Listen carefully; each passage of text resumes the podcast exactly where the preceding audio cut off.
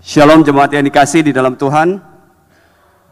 Senang sekali saya kembali mendapat kesempatan untuk menyampaikan kebenaran firman Tuhan pada minggu ini. Dan senang sekali saya bisa kembali berjumpa secara fisik kepada Bapak Ibu Saudara sekalian setelah dalam sekian kurun waktu kita tidak dapat berjumpa beribadah secara langsung. Saya juga menyapa Bapak Ibu jemaat sekalian yang menyaksikan mengikuti ibadah secara live streaming. Seperti yang dikatakan oleh pemimpin pujian, kita memasuki minggu ke-6 masa Prapaskah. Dan di minggu ke-6 ini kita merayakan satu peristiwa. Satu peristiwa yang sangat penting, yaitu kedatangan masuknya Yesus ke Yerusalem. Masuknya ke Yerusalem, Yesus ke Yerusalem merupakan satu peristiwa yang penting. Di mana Yesus ketika masuk ke pintu gerbang Yerusalem, ia disambut orang-orang bersuka cita, melambai-lambaikan pohon palem, mengatakan hosana bagi anak raja. Ia dielulukan, dipuja-puja. Tetapi perjalanan Yesus ke Yerusalem merupakan perjalanan puncak di mana nanti di Yerusalem Yesus akan menderita mati untuk setiap kita. Ini ada satu peristiwa penting yang perlu kita renungkan, kita rayakan. Besok kita sudah masuk ke dalam minggu-minggu pekan sengsara Tuhan Yesus. Mari kita memakai momen ini, minggu ini, untuk kita bersama boleh semakin merenungkan, merefleksikan karya Kristus yang telah mati dan bangkit bagi setiap kita. Mari jemaat sekalian sebelum kita bersama-sama kita merenungkan firman Tuhan, saya mengajak kita semua untuk mempersiapkan hati, meminta pertolongan Tuhan. Mari kita berdoa. Tuhan Allah Bapa kami, kami mengucap syukur di kesempatan Minggu Prapaskah yang ke-6 ini. Kami boleh bersama-sama duduk bersekutu, beribadah bersama, menaikkan puji-pujian kami. Kami boleh secara komunal diberikan kesempatan untuk boleh datang beribadah kepadamu. Kami juga yang mungkin masih belum bisa datang, kami bisa mengikuti ibadah secara bersama-sama melalui teknologi yang kau izinkan terjadi. Tuhan kami menyerahkan untuk ibadah ini, untuk pemberitaan firman Tuhan yang sebentar lagi kami akan dengarkan. Kiranya Tuhan yang boleh menolong setiap kami, mempersiapkan hati kami untuk kami boleh mendengarkan, memahami firman-Mu yang begitu indah. Kiranya Engkau berberkati untuk hamba-Mu yang akan menyampaikan firman Tuhan Kiranya engkau boleh pakai perkataan hambamu ini boleh dapat dimengerti dan dipahami dan terutama dilakukan dalam setiap kehidupan kami. Kami menyerahkan untuk pemberitaan firman Tuhan ini ke dalam tanganmu. Di dalam nama Tuhan Yesus kami telah berdoa dan mengucap syukur. Amin. Bapak Ibu Saudara yang dikasih di dalam Tuhan, saya akan memulai khotbah saya dengan sebuah survei ya survei beberapa pertanyaan singkat untuk Bapak Ibu Saudara sekalian. Bagi Bapak Ibu yang menyaksikan secara live streaming juga mungkin bisa memberikan respon melalui kolom chat. Saya akan bertanya dan menunjukkan beberapa gambar, gambar pengkhotbah. Ketika Bapak Ibu sekalian melihat gambar-gambar pengkhotbah, khotbah seperti apa? Khotbah seperti apa yang terlintas di dalam pikiran Bapak Ibu. Silakan boleh memberikan respon. Yang pertama bisa ditunjukkan. Oke. Khotbah seperti apa yang terlintas ketika kita melihat gambar pengkhotbah seperti ini? Berapi-api, saya ada kedengaran sedikit suaranya meskipun saya tidak bisa membaca siapa yang berbicara karena ketutupan masker ya. Oke, berapi-api ya, semangat penuh dengan semangat biasanya tipe-tipe pengkhotbah KKR ya. Meskipun dalam fotonya itu kelihatan kalem ya, udah kelihatannya tidak menunjukkan apa-apa tapi dari fotonya bisa tergambar khotbah seperti apa, berapi-api penuh semangat gitu ya. Kita tunjukkan gambar kedua. Oke. Ini mungkin lebih mudah lagi.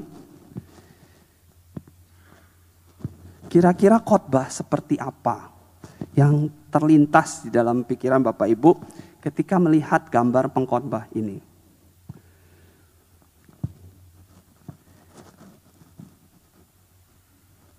Mungkin ada yang kurang familiar atau apa kalau bagi saya gitu ya. Ketika saya melihat pengkhotbah ini yang pasti adalah khotbah yang naratif. Khotbah yang naratif, yang penuh dengan kisah-kisah, membawa kita kepada imajinasi-imajinasi. Khotbahnya tidak seperti pengkhotbah pertama yang mungkin berapi-api penuh dengan semangat. Khotbahnya itu membawa kita mengalir, mengal, mengikuti kisah-kisah di dalam Alkitab itu. Bahkan mama saya pernah mendengarkan salah satu khotbah dari pengkhotbah ini tentang kalau nggak salah tentang orang tua dan sampai meneteskan air mata. Karena tipe pengkhotbahnya membawa kita untuk mengalir mengikuti setiap perkataan-perkataan yang disampaikan oleh pengkhotbah. Nah, kalau gambar ketiga ini pasti sangat familiar. Nah, Khotbah seperti apa ini yang saya tergambarkan dalam semangat ya, apalagi penuh semangat ya. Biasanya identik dengan uh, alat peraga, ya mungkin karena latar belakangnya juga pengajar di sekolah minggu. Kalau saya juga uh, sangat terkesan dengan kalau kita biasa sering lihat uh, kata-kata atau kalimat-kalimat quote-quote yang dilontarkan oleh pengkhotbah ini ya. Biasanya pemilihan diksinya itu sangat bagus gitu ya. Karena memang saya pertama kali kenal istri saya pertama kali kenal pengkhotbah ini ya adalah sebagai seorang penulis gitu ya. Dia kenal tulisannya melalui salah satu kolom tulisan tentang uh, pelajaran pengajaran Kristen. Jadi istri saya kenal itu melalui tulisannya dahulu baru ketemu orangnya. Mungkin waktu baca tulisannya, wah kebayang orangnya seperti apa, terus begitu ketemu orangnya ternyata seperti saya nggak sebut loh ya, ternyata seperti ini apa ya Bapak Ibu.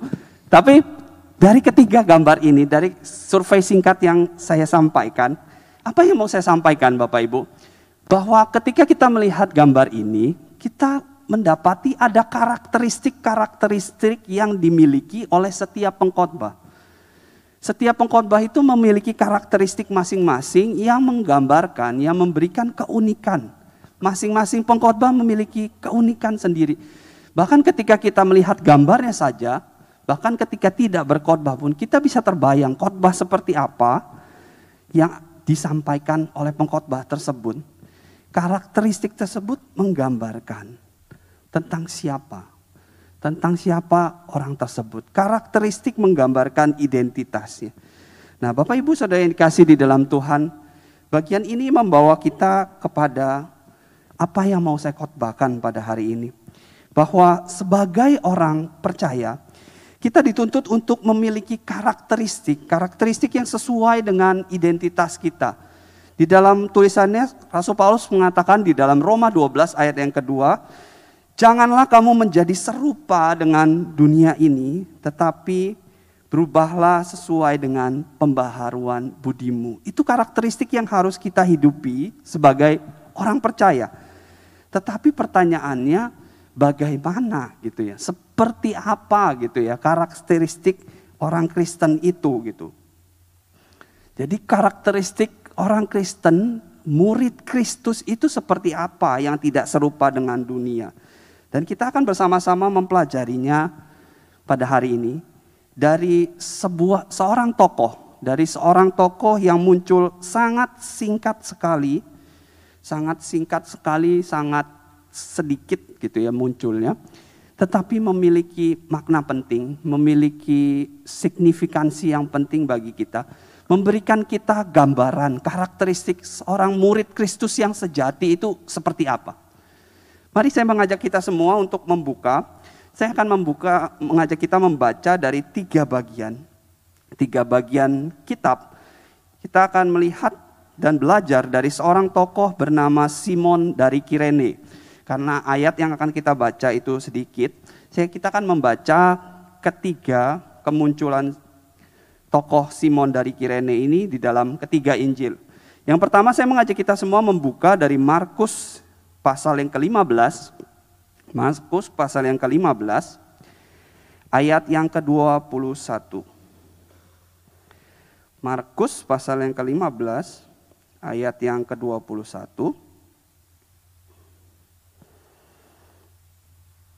Saya akan membacakan untuk Bapak Ibu Saudara yang dikasih di dalam Tuhan.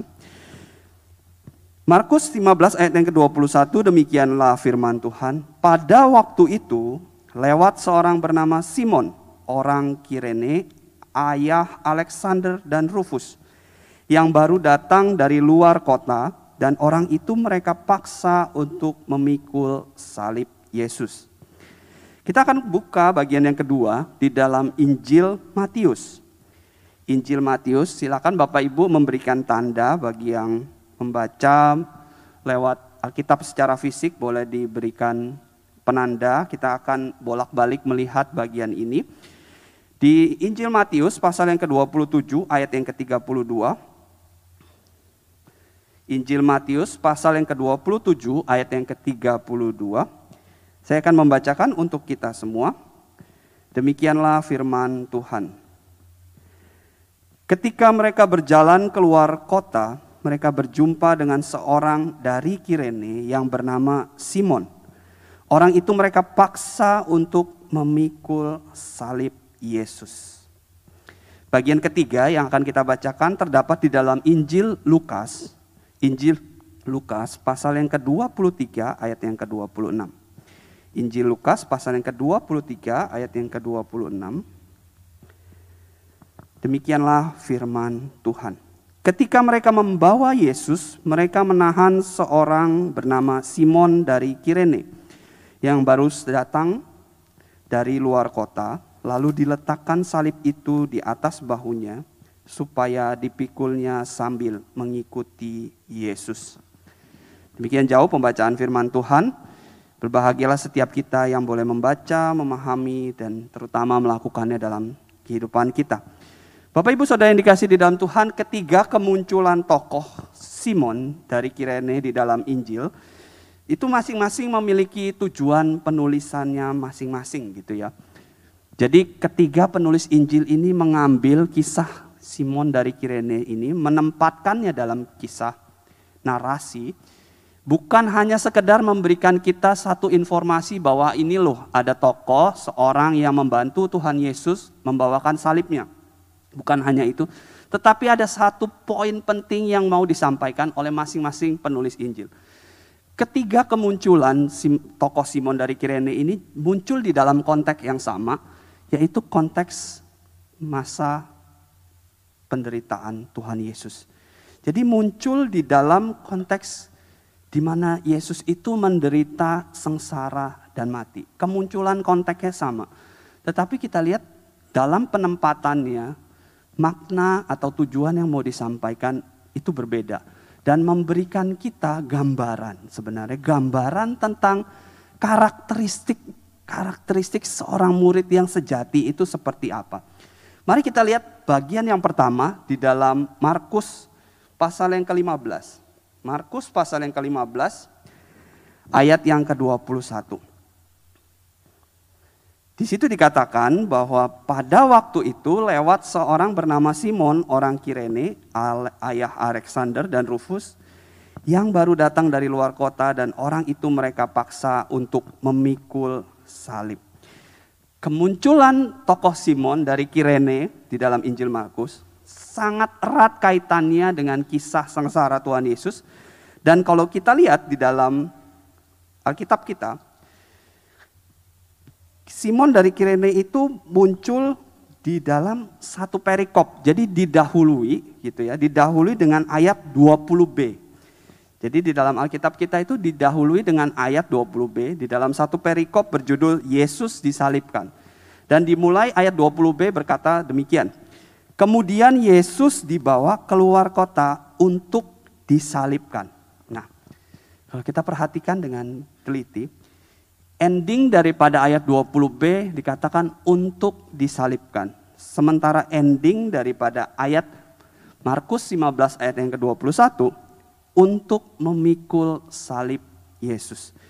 Ini adalah satu teknik penulisan di mana penulis sengaja sengaja mengulang bentuk yang mirip yang sama, terutama kata untuk untuk menegaskan atau mengkaitkan antara apa yang dilakukan oleh Simon dengan apa yang dilakukan oleh Yesus. Yesus disalibkan, Simon memikul salib untuk memikul salib, membawa salib Yesus. Apa yang mau disampaikan di bagian ini? Karena menarik kalau kita memperhatikan, meneliti kata salib di dalam Injil Markus. Bapak Ibu yang menggunakan uh, Alkitab di dalam Alkitab elektronik bisa ketik kata salib, terus akan uh, cari spesifik di dalam Injil Markus. Kita akan menemukan bahwa Kata salib di dalam Injil Markus itu mayoritas muncul di dalam kisah narasi penderitaan kesengsaraan Tuhan Yesus. Cuma ada satu kata salib yang muncul di luar konteks tersebut, yaitu di dalam Markus 8 ayat yang ke-34. Coba kita buka bersama-sama. Markus 8 ayat yang ke-34. Apa yang mau dikatakan oleh bagian tersebut? Markus pasal yang ke-8 ayat yang ke-34 dikatakan demikian. Lalu Yesus memanggil orang banyak dan murid-muridnya dan berkata kepadanya, setiap orang yang mau mengikut aku, ia harus menyangkal dirinya, memikul salibnya, dan mengikut aku. Ini perkataan Tuhan Yesus kepada murid-muridnya. Salib digunakan kata salib. Bagian ini berkaitan dengan apa? Bahwa apa yang dilakukan Tuhan Yesus itu berkaitan dengan karakteristik murid yang sejati yang disampaikan oleh Tuhan Yesus kepada murid-muridnya. Bahwa ketika orang mau mengikut aku menjadi muridku yang sejati, kamu harus memikul salib. Kamu harus memikul salib. Dan ini digambarkan, dilakukan oleh Simon dari Kirene. Setiap orang yang mau mengikut aku, ia harus menyangkal dirinya dan memikul salib. Bapak Ibu Saudara yang dikasih di dalam Tuhan, hal ini menggambarkan bahwa karakteristik dari murid yang sejati adalah adanya tema penderitaan. Penderitaan adalah bagian dari kehidupan murid Kristus. Dan itu bukan sebuah pilihan. Dan kita mestinya sebagai murid-murid Kristus itu juga tidak kaget dengan penderitaan. Karena Tuhan Yesus itu telah mengatakan bahwa barang siapa yang mau mengikut aku, ia harus memikul salib. Jadi aspek penderitaan itu adalah bagian dari kehidupan orang percaya, murid-murid Kristus. Yang harus kita alami, apa yang dilakukan oleh Simon Petrus itu sebenarnya mengulang, mengimitasi apa yang dialami Tuhan Yesus. Dan itulah yang harus dialami oleh murid-murid Kristus. Kisah Simon dari Kirene di dalam Injil Markus itu berdiri di tengah-tengah, tengah-tengah di antara penderitaan Yesus, kematiannya. Tetapi bukan hanya berhenti sampai situ, ia juga memiliki visi ke depan akan kebangkitan Tuhan Yesus. Kalau kita nanti lihat di bagian berikutnya, posisi dari kisah Simon dari Kirene di dalam penulis Injil lain, itu memiliki posisi yang berbeda-beda di dalam penulisan. Dan di dalam Injil Markus ini, dia ditempatkan di tengah-tengah, terjepit gitu ya, di antara penderitaan dan kematian, tetapi juga memiliki pengharapan ke depan. Jadi Bapak Ibu saudara yang dikasih di dalam Tuhan. Bagian pertama ini mengajarkan apa sih? Supaya kita siap menderita loh. Menjadi murid Kristus yang sejati itu kita siap menderita. Penderitaan adalah bagian dari kehidupan kita, orang percaya, dan kita semestinya nggak kaget gitu. Dan kita dipanggil untuk memikul salib. Tetapi bukan hanya memikul salib, ada visi pengharapan ke depan yang dijanjikan, yaitu kebangkitannya yang telah menyelamatkan kita. Bapak Ibu Saudara yang kasih di dalam Tuhan, saya akan menunjukkan sebuah gambar. Silakan ditunjukkan. Nah, ini ada yang tahu tokoh atau uh, tokoh anim ya anime dan uh, biasanya lebih terkenal mainannya ya karena dulu sebelum uh, masuk STT atau bahkan ketika di pertengahan saya lagi bosan mama saya itu sering ngomel-ngomel gitu ya ketika saya beli barang ini gitu ya pertama ya memang agak mahal dan kedua, nyusahin diri sendiri ya. Karena ini mainan kalau kita beli, yang sebelah kiri itu ada yang sudah jadi dan sebelah kanan itu adalah uh, ketika kita beli baru dari dalam kotak. Ya. Ini ketika kita beli, kita harus merakitnya gitu ya. Kita harus merakitnya, memotongnya satu bagian per bagian. Terus kemudian kalau mau lebih presisi lagi, bekas potongannya itu kita amplas sedikit gitu ya, kita amplas supaya e, bekas kaitannya dengan kerangkanya itu supaya tidak terlihat dan kemudian baru kita satukan. Setelah disatukan pun kalau mau yang lebih niat lagi bisa dicat dulu supaya tampilannya lebih bagus. Baru kemudian ditempel stiker dan baru bisa jadi. Semakin tinggi, semakin detail uh, barang tipe barang yang kita beli itu semakin robot-robotannya itu bisa bergerak berartikulasi secara uh, baik gitu bahkan tangannya itu bisa membuka memutar seperti manusia gitu ya jadi bayangkan kita harus menggabungkan setiap partnya itu sedemikian detail tetapi kenapa banyak orang yang suka yang berburu bahkan mainan-mainan seperti ini padahal kata lu ngapain sih beliin mainan ini gitu ya. Ketika saya beli, ini nyusahin, katanya stres, katanya pusing. Malah beli mainan yang menyusahkan. Malah beli mainan yang bikin repot sendiri, mesti potong, mesti apa. Bapak Ibu, karena saya tahu ada sesuatu yang hasil yang menyenangkan yang akan saya dapat ketika saya melewati hal tersebut. Jadi penderitaan itu sebenarnya tidak selamanya dihindari. Penderitaan itu sebenarnya tidak selamanya dihindari. Asal kita tahu apa yang kita dapati, kita akan melewatinya. Penderitaan tidak selamanya dihindari, tidak selamanya kita jauhi. Mungkin kita selama ini berdoa supaya kehidupan kita baik-baik saja, aman-aman saja, supaya tidak terkena sakit, kita semua sehat, tidak diganggu. Kita mau ke gereja juga dapat berangkat dengan tenang. Tetapi kenyataan dari firman Tuhan pagi hari ini menunjukkan bahwa kita sebagai murid-murid Kristus yang sejati, kita itu masih siap. Siap untuk menderita siap untuk memikul salib. Tetapi ada janji pengharapan, janji yang pasti kehidupan yang sudah Tuhan lakukan di depan. Ia sudah bukan hanya menderita dan mati, ia bangkit dan menyelamatkan kita. Ketika kita memikul salib itu, pandangan kita melihat ke depan, melihat kubur kosong di mana Kristus itu sudah bangkit. Penderitaan tidak selamanya dihindari.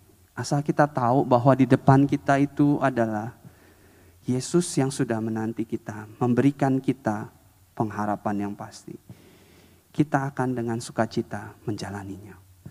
Bukankah itu yang ditunjukkan oleh Rasul Paulus yang dituliskan di dalam surat yang Filipi Ketika ia dalam penjara, dia masih bisa mengatakan, "Aku bersuka cita." Tema bersuka cita menjadi tema yang inti di dalam surat Filipi, padahal dia di dalam penjara. Dia di penjara karena dia memberitakan Injil. Dia tetap mengatakan, "Aku bersuka cita." Karakteristik yang pertama, kita siap menderita. Siap menderita nggak Bapak Ibu Saudara yang kasih di dalam Tuhan? Jawabannya masih uh, uh, uh. Mari kita berenungkan bersama-sama. Karakteristik yang kedua. Mari kita melihat dari Matius, kita akan bergerak ke Matius pasal yang ke-27 ayat yang ke-32. Matius pasal yang ke-27 ayat yang ke-32. Saya akan membacakan untuk setiap kita. Ketika mereka berjalan keluar kota, mereka berjumpa dengan seorang dari Kirene yang bernama Simon. Orang itu mereka paksa untuk memikul salib Yesus. Nah, kalau kita lihat kemunculan di dalam kisah Simon di dalam Injil Markus itu memiliki posisi yang berbeda. Kalau di Injil Markus dia berdiri di tengah-tengah di antara kisah Yesus dimulai dengan kisah Yesus, kemudian muncul Simon baru dilanjutkan oleh kisah Yesus lagi, menderita dan mati. Tetapi di dalam Injil Matius kisah Simon menjadi paragraf pembuka menjadi bagian awal. Dikatakan ketika mereka berjalan keluar kota, mereka berjumpa dengan seorang dari Kirene yang bernama Simon. Tuhan Yesus, Injil Matius, penulis Injil Matius, sengaja menempatkan ini sebagai bagian pembuka dan mengkaitkan dengan keseluruhan kisah sengsara Tuhan Yesus. Kalau kita lihat di dalam keseluruhan perikop pasal yang ke-27, kita akan mendapati bahwa Yesus itu digambarkan bukan hanya menderita. Yesus itu bukan hanya digambarkan dia menderita. Tetapi ada satu bagian yang penting yang digambarkan. Bahwa Yesus menderita karena ia benar jadi ia menderita itu bukan karena kesalahannya sendiri, bukan karena kesalahan yang dilakukan kemudian kesalahan tersebut ditimpakan kepada dia dan salib hukuman salib itu diberikan kepadanya sebagai suatu konsekuensi. Tema bahwa Yesus itu benar, benar, benar terus-menerus diulang. Kalau kita lihat di dalam kisah Yesus di hadapan Pontius Pilatus kemudian muncul perkataan dari istri dari Pilatus yang mengatakan, "Jangan engkau mencampuri perkara orang benar itu." Ini bagian yang muncul spesifik di dalam Injil Matius. Seolah-olah penulis Injil Matius itu mau menggambarkan bahwa Yesus yang disalib ini, yang dihukum ini adalah orang yang benar. Dia melakukannya bukan untuk diri dia sendiri, tapi untuk orang lain. Ada suatu lukisan yang dilukis oleh pelukis bernama Gerard van Hot Horse berjudul Christ Before the High Praise. The High Priest. Nah, mungkin Bapak Ibu kurang ya semoga bisa menangkap ya gambarnya dengan jelas. Nah, pelukis ini uh, melukiskan dengan sangat baik teknik kontras yang ditimbulkan oleh pusat cahaya yaitu lilin. Kalau kita lihat dalam lukisan ini, sumber cahayanya itu cuma satu yaitu lilin. Jadi pelukis ini menggambarkan kontras yang sangat baik dan lilin sebagai pusat cahayanya. Tetapi kalau kita lihat dengan detail gambar ini, mungkin bisa cari di internet gambar yang resolusinya lebih baik kita bisa mendapati bahwa imam besar yang jaraknya duduknya itu lebih dekat dengan lilin justru kalah terang. Yesus yang berdiri jaraknya lebih jauh dari lilin tersebut digambarkan lebih terang. Lebih bercahaya. Dan kalau kita lihat gambar bajunya yang sudah mulai terkoyak menggambarkan bahwa ia itu diperlakukan, disiksa sebelum dibawa ke Mahkamah Agung. Pelukis menggunakan kisah di dalam Matius pasal 27 dan di dalam kemunculan di dalam Injil lain untuk menggambarkan, menyimbolkan apa sih?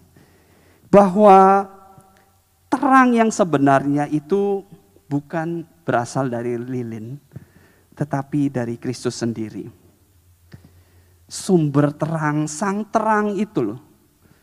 Meskipun lilin itu berada lebih dekat kepada mahkamah pemimpin mahkamah agung, tapi Yesus tetap lebih bercahaya. Bahwa akulah terang itu. Bahwa akulah sang sumber terang itu. Yang menggambarkan bahwa ia benar dalam posisi yang benar. Dan ia bersikap tenang. Ketika Yesus disalib. Ketika Tuhan Yesus menderita, disalib dan mati. Ia adalah pribadi yang benar. Dan ia melakukannya bukan untuk diri kita sendiri bukan untuk dirinya sendiri, tetapi untuk kita manusia. Apa yang mau digambarkan dan dipelajari dari kemunculan kisah Simon? Bahwa Kristus mati bukan untuk dirinya sendiri, tetapi untuk umat manusia. Dan ia memanggil kita untuk bukan hanya sekedar menderita, memikul salib, tetapi juga untuk melakukan apa yang Tuhan Yesus lakukan melalui penderitaannya di kayu salib. Yesus menderita di kayu salib untuk menyelamatkan kita. Yesus menderita di kayu salib untuk menjadikan kita benar. Dan kita dipanggil untuk memikul salib, juga untuk mengerjakan keselamatan, ikut ambil bagian dalam memberitakan kebenaran tersebut. Di bagian pertama kita diajak untuk mengimitasi, mengimitasi, siap gitu, siap untuk menderita. Tetapi di bagian kedua ini kita diajak bukan hanya sekedar melakukan apa yang Tuhan Yesus lakukan, tetapi kita juga berpartisipasi. Berpartisipasi dalam apa yang Tuhan Yesus kerjakan. Ia mengerjakan keselamatan. Ia melakukan membenarkan kita dari manusia yang berdosa. Dan itulah panggilan buat setiap kita Bapak Ibu Saudara yang kasih di dalam Tuhan.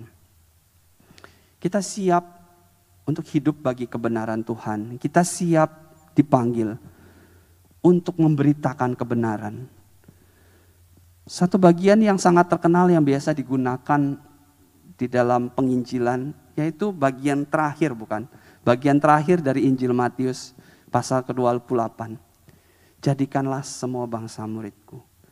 Satu panggilan yang mengemphasize, menekankan kembali panggilan kita untuk memikul salib, memberitakan kebenaran. Itu karakteristik yang kedua. Yang pertama kita dipanggil untuk siap menderita.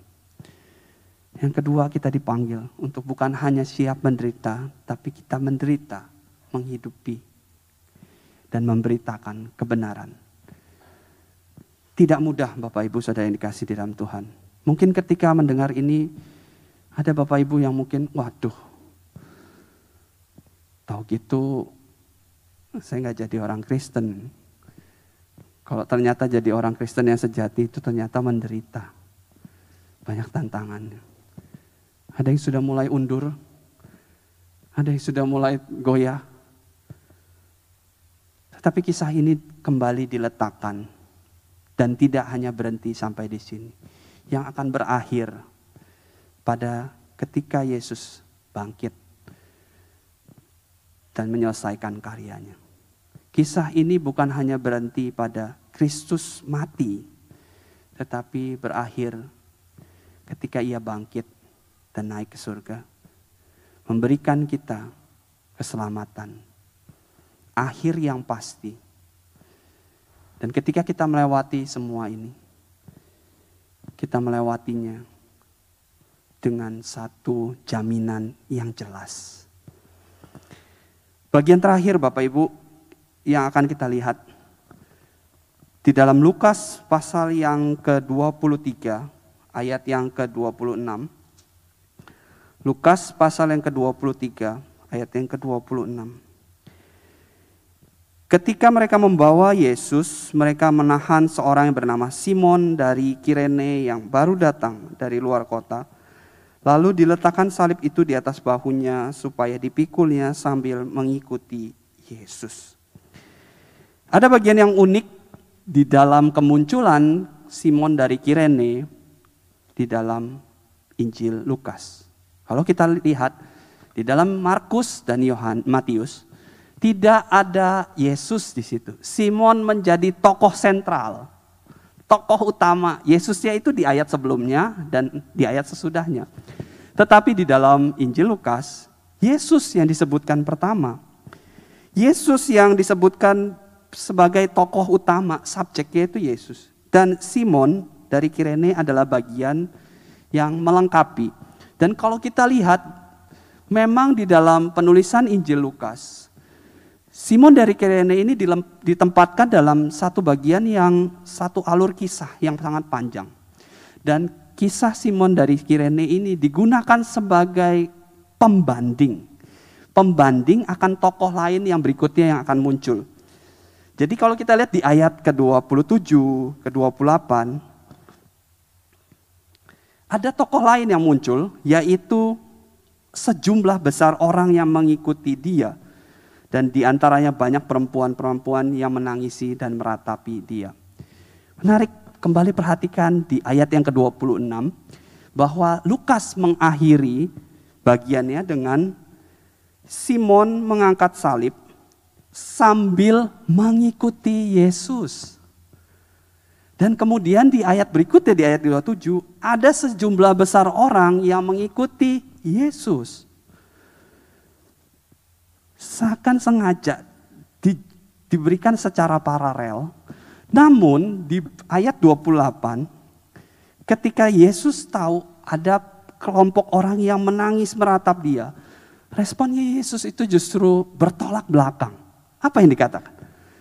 Hai putri-putri Yerusalem, janganlah kamu menangisi aku. Janganlah kamu menangisi aku. Mau ngapain kamu menangisi aku? Yang aku lakukan ini adalah penggenapan dari apa yang Allah rencanakan. Kedua tokoh yang muncul ini adalah orang-orang yang sama-sama mengikuti Yesus. Tetapi kemunculan Simon dari Kirene memberikan gambaran yang positif bahwa mengikut Yesus itu mestinya seperti ini. Bukan seperti sejumlah besar orang. Yang seolah-olah dia terlihat empati, menangisi, meratapi, tapi sebenarnya dia tidak tahu apa yang dikerjakan oleh Tuhan Yesus. Dia tidak tahu tujuan besar yang dilakukan oleh Tuhan Yesus. Banyak orang mengaku sebagai pengikut Kristus, tapi mereka sebenarnya hanyalah penggemar. Mereka hanya suka dengan Yesus, suka dengan apa yang dilakukan. Ketika Yesus pergi, mereka menangisi, mereka meratapi kepergian. Dan Yesus berkata, "Mengapa engkau menangisi Aku?" Kematian, penderitaan bukan suatu hal yang menyedihkan. Kalau kita tahu apa yang akan didapatkan melalui kematian, penderitaan tersebut. Bagian ini memberikan satu gambaran bahwa mengikut Tuhan Yesus itu memang tidak terlepas dari kedua hal itu. Di mana kita menderita, mau menderita, kita mengerjakan apa yang Tuhan Yesus kerjakan melalui penderitaan salibnya. Dan bahkan kita bersedia untuk mati bagi dia. Dan menariknya kemunculan tokoh Simon ini menjadi sebuah sindiran yang sangat halus. Sindiran yang sangat halus buat murid-muridnya. Kalau Bapak Ibu ingat khotbah dari Lesi Yoel yang disampaikan kemarin yang berpusat pada tokoh Simon Petrus yang overconfidence yang mengatakan bahwa kalau orang lain murid-murid Tuhan yang lain mundur, aku tetap akan bersama dengan engkau. Aku akan tetap bersama dengan engkau. Tapi pada kenyataannya, di saat-saat di mana Yesus justru membutuhkan di mana Yesus justru butuh kehadiran murid-murid yang berada di sampingnya. Mereka tidak ada.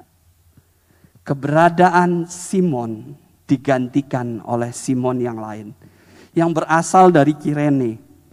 Bapak Ibu tahu posisi dari Kirene di mana? Dia berada di sebelah barat, paling barat wilayah kekaisaran Romawi. Kemungkinan para penafsir menafsirkan itu di daerah Afrika Utara, di sekitar Libya. Daerah paling pojok gitu, yang tidak terjangkau, mungkin yang tidak terekspos sama sekali.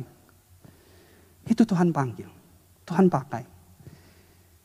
Tuhan masukkan, Tuhan libatkan di dalam kisah sengsara untuk memberikan kita satu pelajaran penggambaran murid Kristus yang sejati itu seperti apa sih? Murid Kristus yang sejati itu seperti apa? Bapak Ibu Saudara yang dikasih di dalam Tuhan, kisah kemunculan Simon dari Kirene itu memberikan kita satu refleksi dan peringatan juga. Siapa sebenarnya murid Kristus yang sejati? Siapa yang dekat sesuai dengan tema kita? Apakah kita merasa sudah dekat dengan Tuhan karena kita sering pelayanan, kita sering ke gereja, kita menjadi pengurus, kita menjadi majelis, kita sering memberikan persembahan, perpuluhan, kita terlibat aktif di dalam kegiatan atau bahkan kita merasa dekat karena menjadi hamba Tuhan. Tapi bagian kisah ini menjadi refleksi buat setiap kita. Bahwa kedekatan tuh dengan Tuhan Yesus itu berbicara dengan berbicara tentang relasi Kristus, relasi kita dengan Kristus yang nyata dalam sikap kita. Sikap hidup sebagai murid yang sejati, di mana kita siap untuk menderita. Kita siap untuk menderita, memberitakan Injilnya, memberitakan kebenarannya, dan menjalankan perintahnya. Kiranya ketiga karakteristik ini boleh kita hidupi dan terus kita jalankan dalam kehidupan kita terus menerus memperbaiki relasi kita dengan Tuhan. Bahwa kedekatan kita dengan Tuhan bukan dilihat dari intensitas, tetapi bagaimana kita selama ini berkomunikasi, berrelasi dengan Dia. Kiranya perenungan dari khotbah hari ini boleh kita bawa untuk kita memasuki masa prapaskah, masa kesengsaraan Tuhan Yesus. Besok Senin gereja sudah memberikan fasilitas sebuah program mengajak kita semua untuk terlibat di dalam kegiatan puasa, doa puasa yang dilakukan mulai hari Senin besok sampai hari Kamis. Dan di hari Kamis, Kamis malam sampai dengan Jumat pagi, kita juga ada doa berantai satu program yang mengajak kita semua untuk melaksanakan apa yang disampaikan oleh firman Tuhan kali. Mau kita memberikan waktu kita, memberikan tenaga kita. Karena Kristus sudah mati bagi setiap kita. Menyelamatkan kita memberikan kita kehidupan kekal. Ini saatnya kita diajak, dipanggil untuk mengimitasi penderitaan yang Yesus lakukan dan juga berpartisipasi di dalam karya Kristus menyatakan kebenaran. Mari kita berdoa. Tuhan Yesus kami mengucap syukur di Minggu Prapaskah yang keenam ini kita diajak kembali untuk merenungkan masa sengsara penderitaan Engkau di kayu salib. Biarlah ini juga boleh membawa kami berefleksi, mempertanyakan diri kami, apakah kami sungguh sudah dekat dengan Engkau ya Tuhan? Apakah kami sungguh sungguh berelasi dengan Engkau? Biarlah firman Tuhan pada hari ini membawa kami untuk mengetahui karakteristik murid yang sejati dan menghidupinya di dalam kehidupan kami. Terima kasih Tuhan, terima kasih. Kami berdoa untuk pekan sengsara yang akan kami hadapi depan, di mana kami akan menjalani masa puasa, kami boleh merenungkan kembali akan penderitaan Engkau. Tetapi biarlah di masa-masa itu kami boleh semakin dikuatkan, semakin dibawa untuk semakin mengenal Engkau ya Tuhan, mengenal karyamu yang Engkau lakukan bagi setiap kami. Terima kasih ya Tuhan, terima kasih. Di dalam nama Tuhan Yesus kami telah berdoa dan mengucap syukur. Amin.